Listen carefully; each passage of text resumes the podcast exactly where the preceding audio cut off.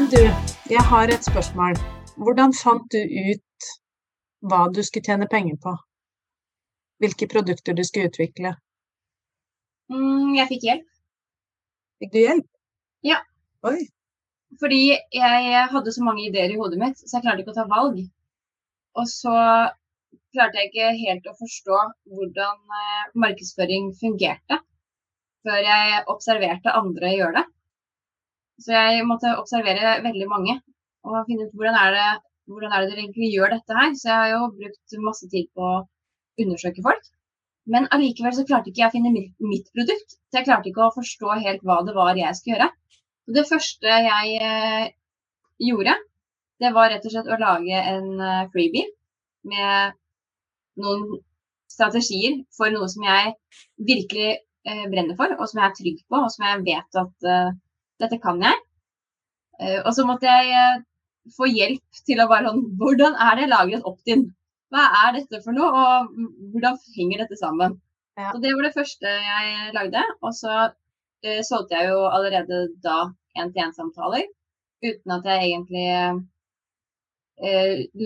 som markedsførte det noe særlig, da. Men jeg syns markedsføringen og dette her med å forstå hvordan man skulle trekke folk inn til nettsiden sin, var uh, mest utfordrende. Mm. Var du rask med å starte å bygge e-postliste? Jeg var kanskje ikke så rask som mange andre. Jeg er fortsatt, eh, det er fortsatt en sånn langsom eh, prosess eh, som jeg eh, syns at er fin sånn som den er. Eh, noen går for en veldig sånn hurtigløsning og eh, vil ha veldig mange e-post eh, på e-postliste fort. Um, og så har jeg en kanskje litt mer langsom stil. Ja. Og så får vi se Det blir sånn som med, med haren og skilpadda. Så får vi se ja, ja, hvordan det blir.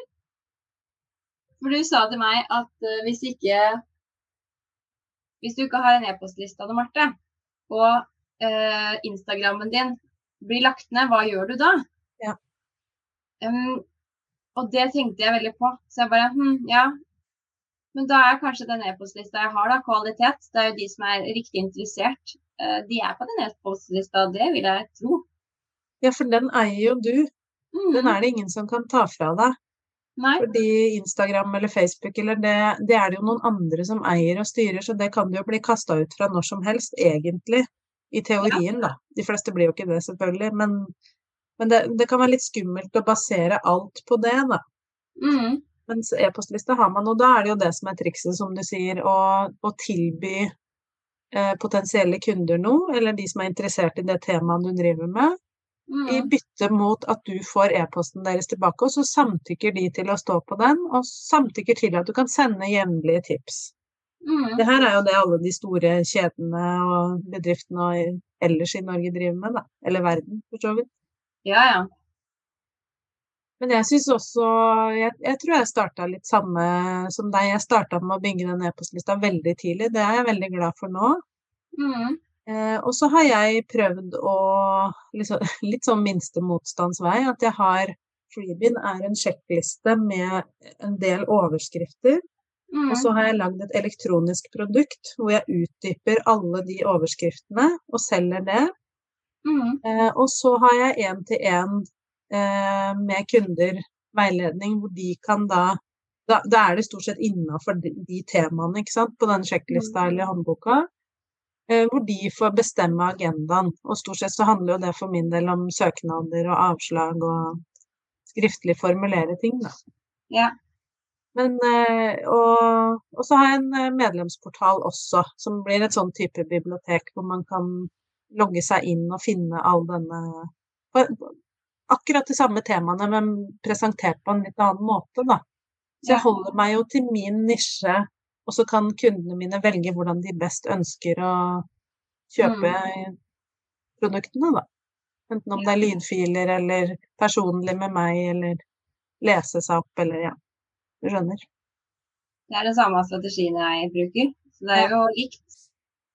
Jeg tror faktisk at jeg begynte med å bygge e-postlister ganske tidlig, selv om jeg ikke har eh, annonserte så mye, da. Så er det mm. fortsatt eh, en e-postliste som ble begynt tidlig. Ja. Så, Det er i hvert fall et av de beste triksa, tenker jeg, da. Ja, å, å bygge den. Ja.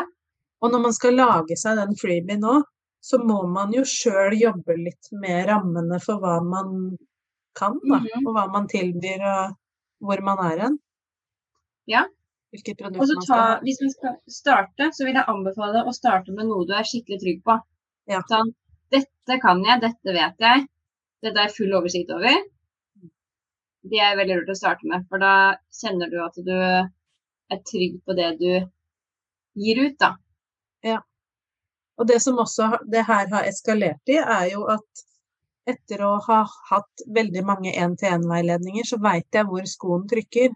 Så Mm. når jeg blir bedt om å holde foredrag, f.eks., Ja. så Det kommer jeg på nå, apropos det å være trygg. Eh, så står jeg jo der bare og forteller alt jeg kan, Ja. og alt jeg har erfart, og får betalt for det. Det er jo helt nydelig. Ja. Veldig, veldig gøy. Og, det, og, og foredrag er jo også et type produkt, eller tjeneste. Mm. Her er jo um, mulighetene uendelige. Jeg tilbyr også webinarer og gruppeveiledninger. Som også er en sånn fin måte å tjene penger på, i tillegg til e-bok. Ja, Ikke sant? Hva syns du er best av lavprisprodukter eller høypris? Jeg liker når det er sånn eh, steg. At det er noe som er lavpris, og så er det noe som er midt imellom, og så er det noe som eh, er av høy pris. Da kan man velge ut fra hva man sjøl ønsker å legge i. Det er jo litt sånn når man Hvis du er eh, der i livet at du ønsker å betale for eh, kvalitetsveiledning med meg, så forventer jeg også at eh, du er til stede og klar for den veiledningen. For det er jo, det er jo den mottaker som, av veiledningen som gjør jobben. Så de er jo en veisøker, ikke sant. De søker jo råd på sin vei. Og så hva de velger å gjøre, er jo opp til dem. Eh, Men hvis jeg f.eks. hadde Hvis noen hadde kjøpt eh, sjekklisten som jeg har eh, liggende ute, så forventer jo ikke jeg å få en tilbakemelding fra dem på hvilken retning dette tar. Da er jo de sjøl ansvarlig for hvordan det Altså de holder tråd i det. Ja. Og det også syns jeg er litt fint, at man har litt ulike muligheter, da. Også økonomisk sett. Og det er jo sikkert da kan være akkurat det samme produktet, men i to helt forskjellige formater til forskjellig pris. Og Mm. Ja. med mer eller mindre service fra deg, da, i tillegg. Ja. Mm. Ja, det var lurt det du sa med å holde seg til det man er trygg på. For det er jo en sånn myte som mange, eller ting som mange tenker på, at det er jo aldri noen som kommer til å betale lille meg for det her. Nei, Har du kjent på det noen gang? ja, på en måte. Men nå jeg Nå er det jo det her jeg Det jeg har drevet med, da. Så det var ikke en sånn eh, Kanskje så sterk følelse, fordi jeg visste at det, eh, jeg har holdt på med det i mange år, og det er det jeg digger å drive med.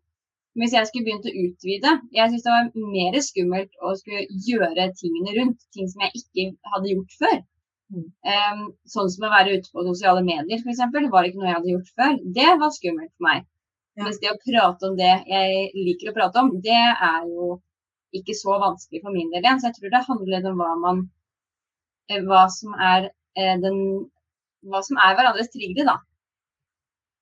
Men det her er jo, hvis man er usikker på om det, den ideen eller drømmen man har, om det er noe å tjene penger på, så kan man jo booke seg en gratissamtale hos oss. Ja, nå tror jeg vi har vært borti absolutt alle mulige måter å selge ting på.